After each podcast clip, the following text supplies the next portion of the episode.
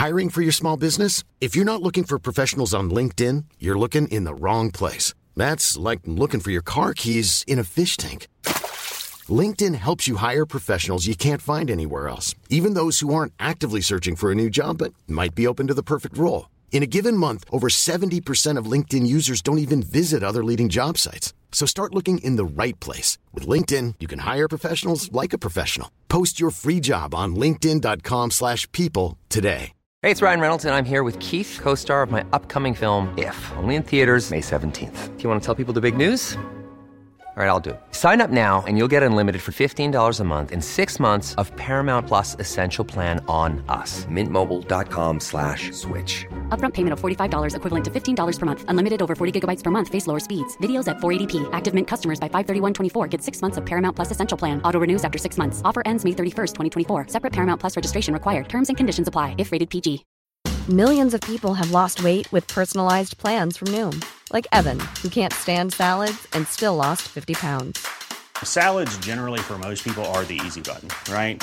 For me, that wasn't an option. I never really was a salad guy. That's just not who I am.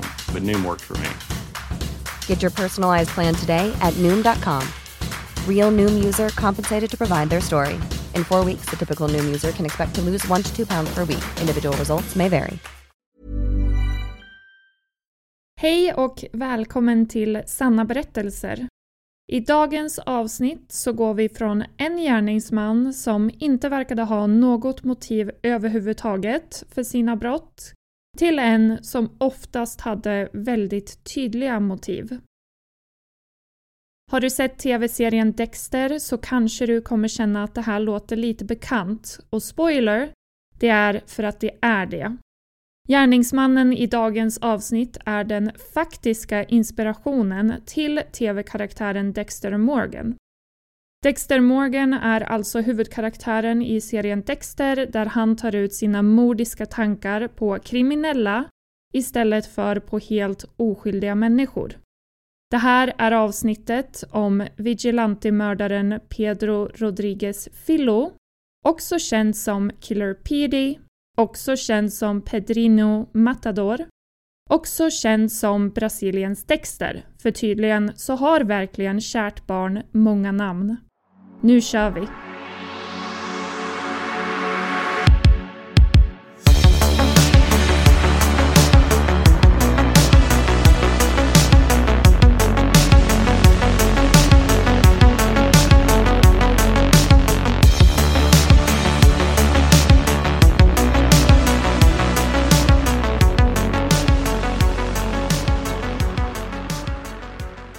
Pedro föddes på en gård i Santa Rita do Sapucai i Brasilien den 29 oktober 1954.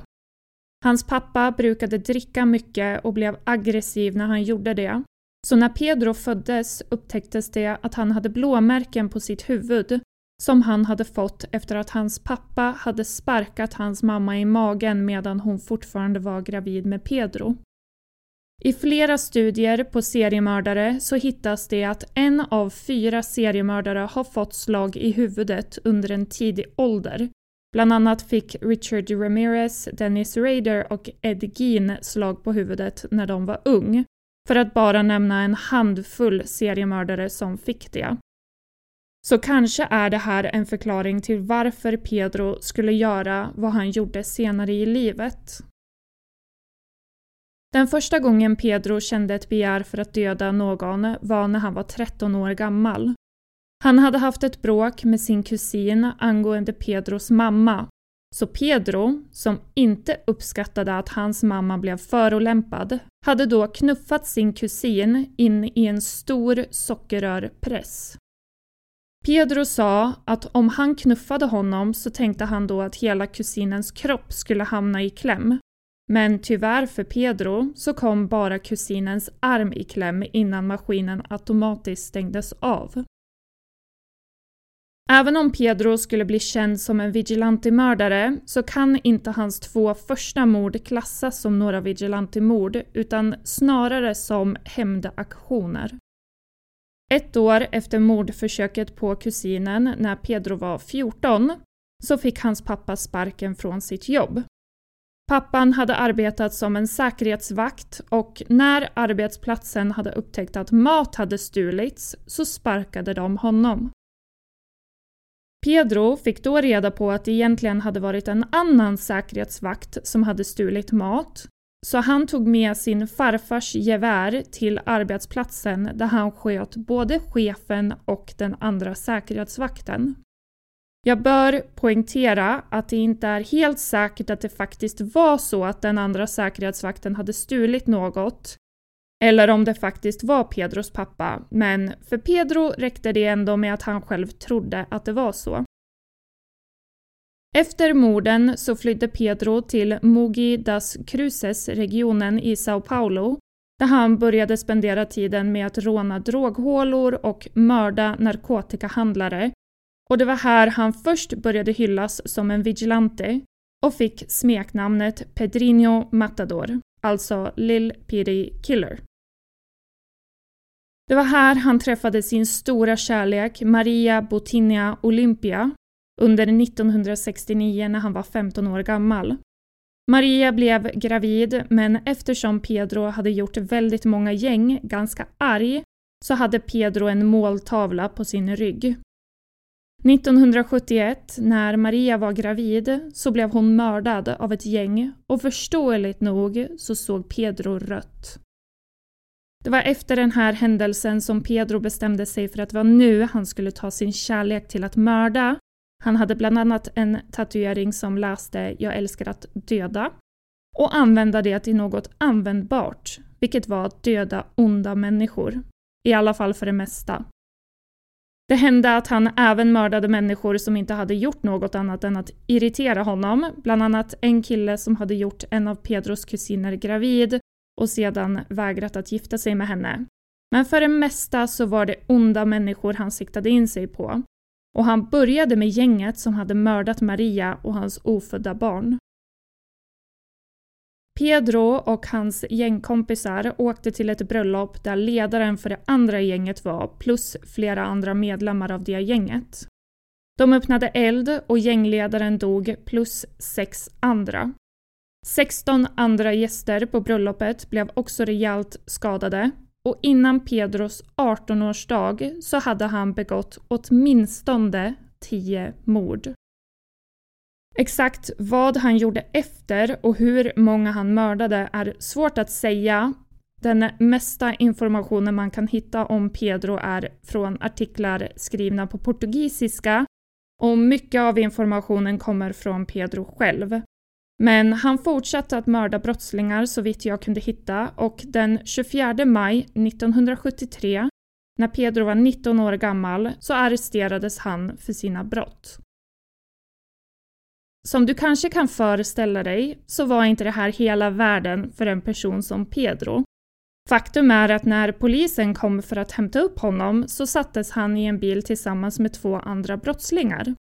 En av brottslingarna hade varit en pedofil, så Pedro tog på sig att slå ihjäl honom i bilen på väg till fängelset.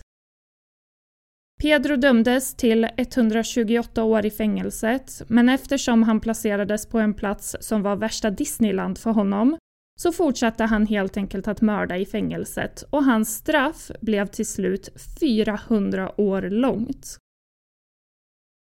I fängelset så spelade det egentligen ingen roll vad personerna satt inne för. För Pedro var de brottslingar och att mörda brottslingar var hans stora hobby. Många av dem som var inne i fängelset försökte mörda honom först då de ansåg att han var en förrädare i och med att han mördade folk som dem. Så många försvarade han sig egentligen mest från. Men en mördade han då han störde sig på hur högt den personen snarkade och en mördade han för att den personen hade tjuvkikat då Pedro hade en kvinna på besök. En av de mer kända incidenterna var när Pedro försökte mörda seriemördaren och jag ber om ursäkt för uttalet. Jao Acacio da Costa. Da Costa, också känd som The Red Light Bandit eller Rödljusbanditen, hade fått ett straff på 350 år för fyra mord, sju mordförsök och 77 rån under 60-talet. Pedro hade misshandlat honom så rejält så da Costa fick föras till sjukhus och lyckades överleva till slut. Även fast både Pedros och da Costas straff hade varit flera hundra år långa så hade Brasilien en lag där brottslingar utan en psykopatidiagnos inte fick tillbringa mer än 30 år åt gången i fängelset. En lag som ändrades till 40 år år 2019. Så både Pedro och da Costa skulle bli släppt från fängelset.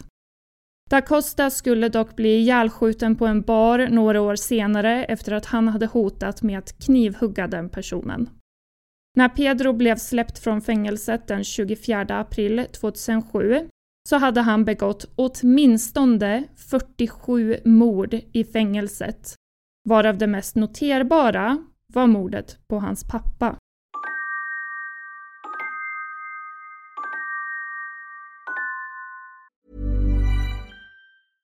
I'm Sandra, and I'm just the professional your small business was looking for. But you didn't hire me because you didn't use LinkedIn jobs. LinkedIn has professionals you can't find anywhere else, including those who aren't actively looking for a new job but might be open to the perfect role, like me. In a given month, over 70% of LinkedIn users don't visit other leading job sites. So if you're not looking on LinkedIn, you'll miss out on great candidates like Sandra. Start hiring professionals like a professional. Post your free job on linkedin.com/people today.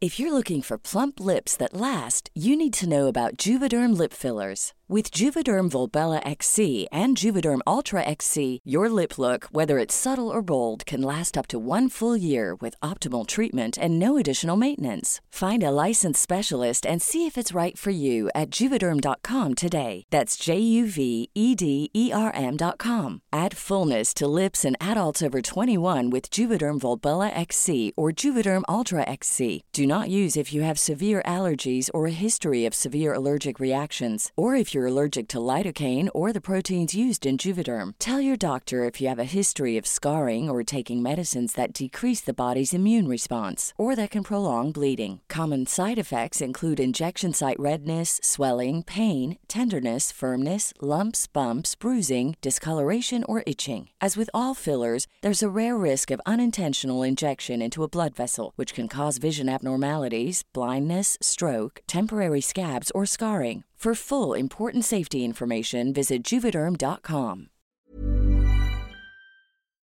Det är oklart om han faktiskt mördade sin pappa. De flesta källorna säger att han gjorde det och han själv säger att han gjorde det men det finns inga egentliga bevis på att han faktiskt gjorde det. Det är också lite oklart om han gjorde det innan han åkte in i fängelset eller när han var i fängelset. Men jag kommer berätta den vanligaste versionen vilket är att han gjorde det när han själv var i fängelset.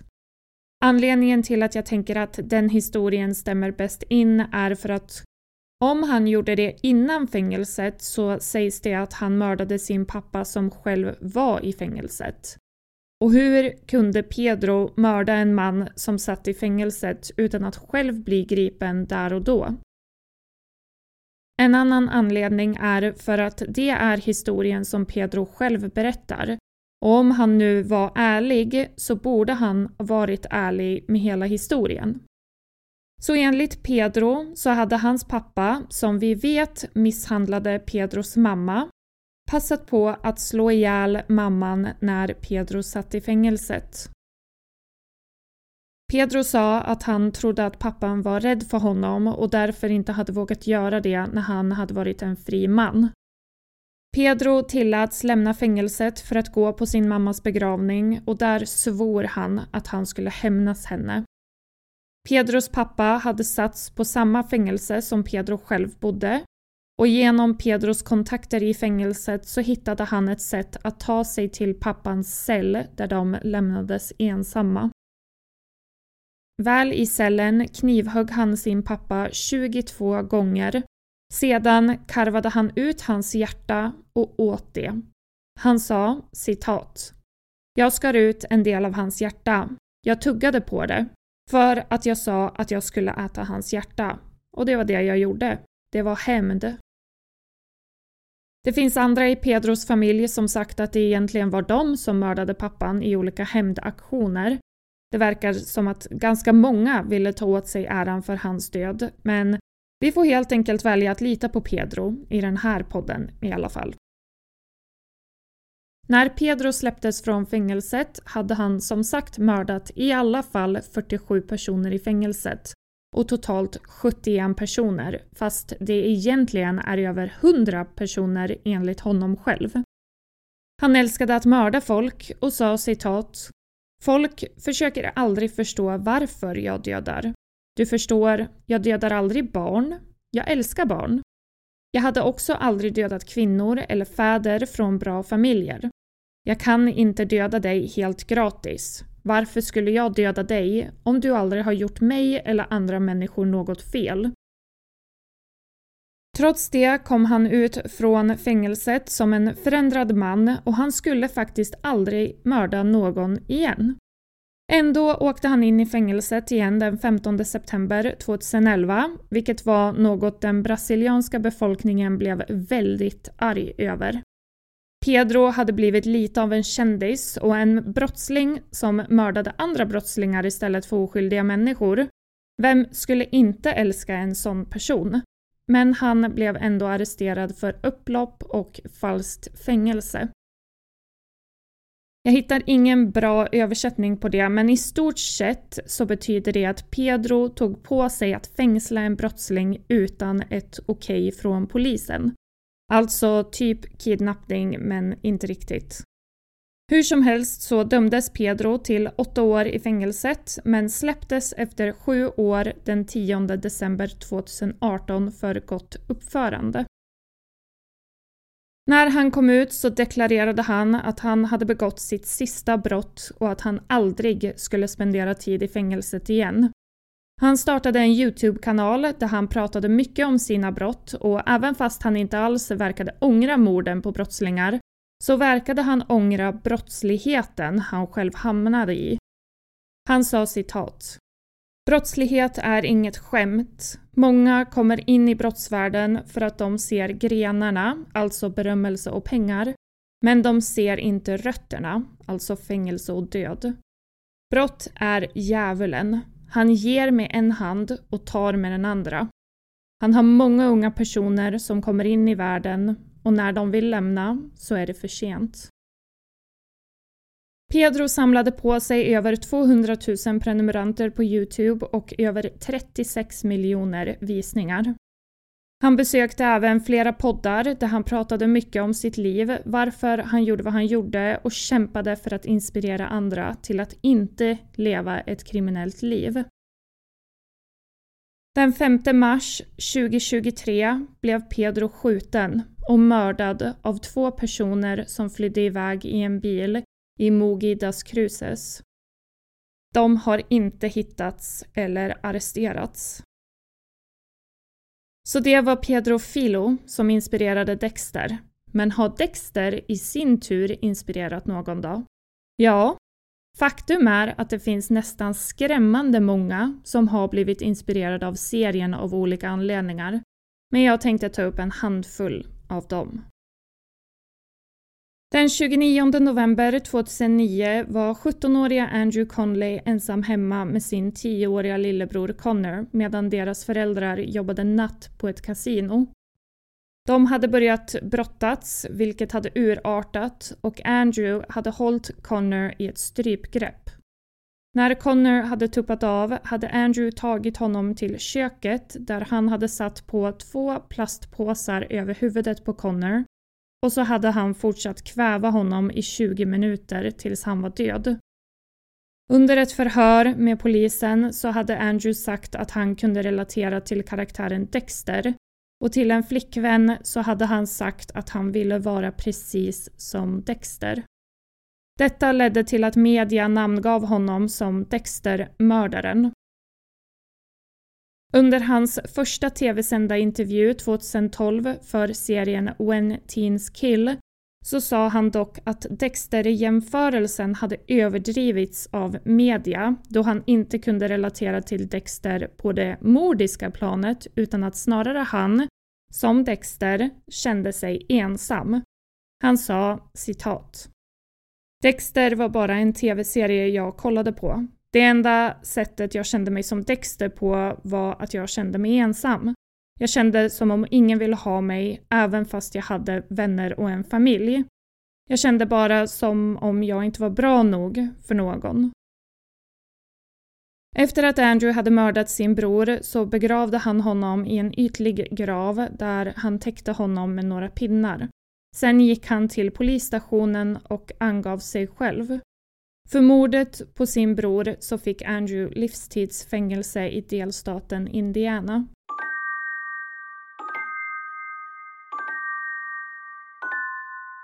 Miranda Barber var 19 år gammal när hon tillsammans med sin nya make Elite Barber lurade 42-åriga Troy LaFera till hans död 2013. Miranda hade lagt ut en annons på Craigslist där hon hävdade att hon var en ung flicka som nyss hade fyllt 16 som letade efter manligt sällskap.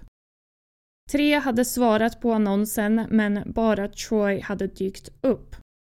Miranda och Illette hade då mördat Troy genom att knivhugga honom och strypa honom.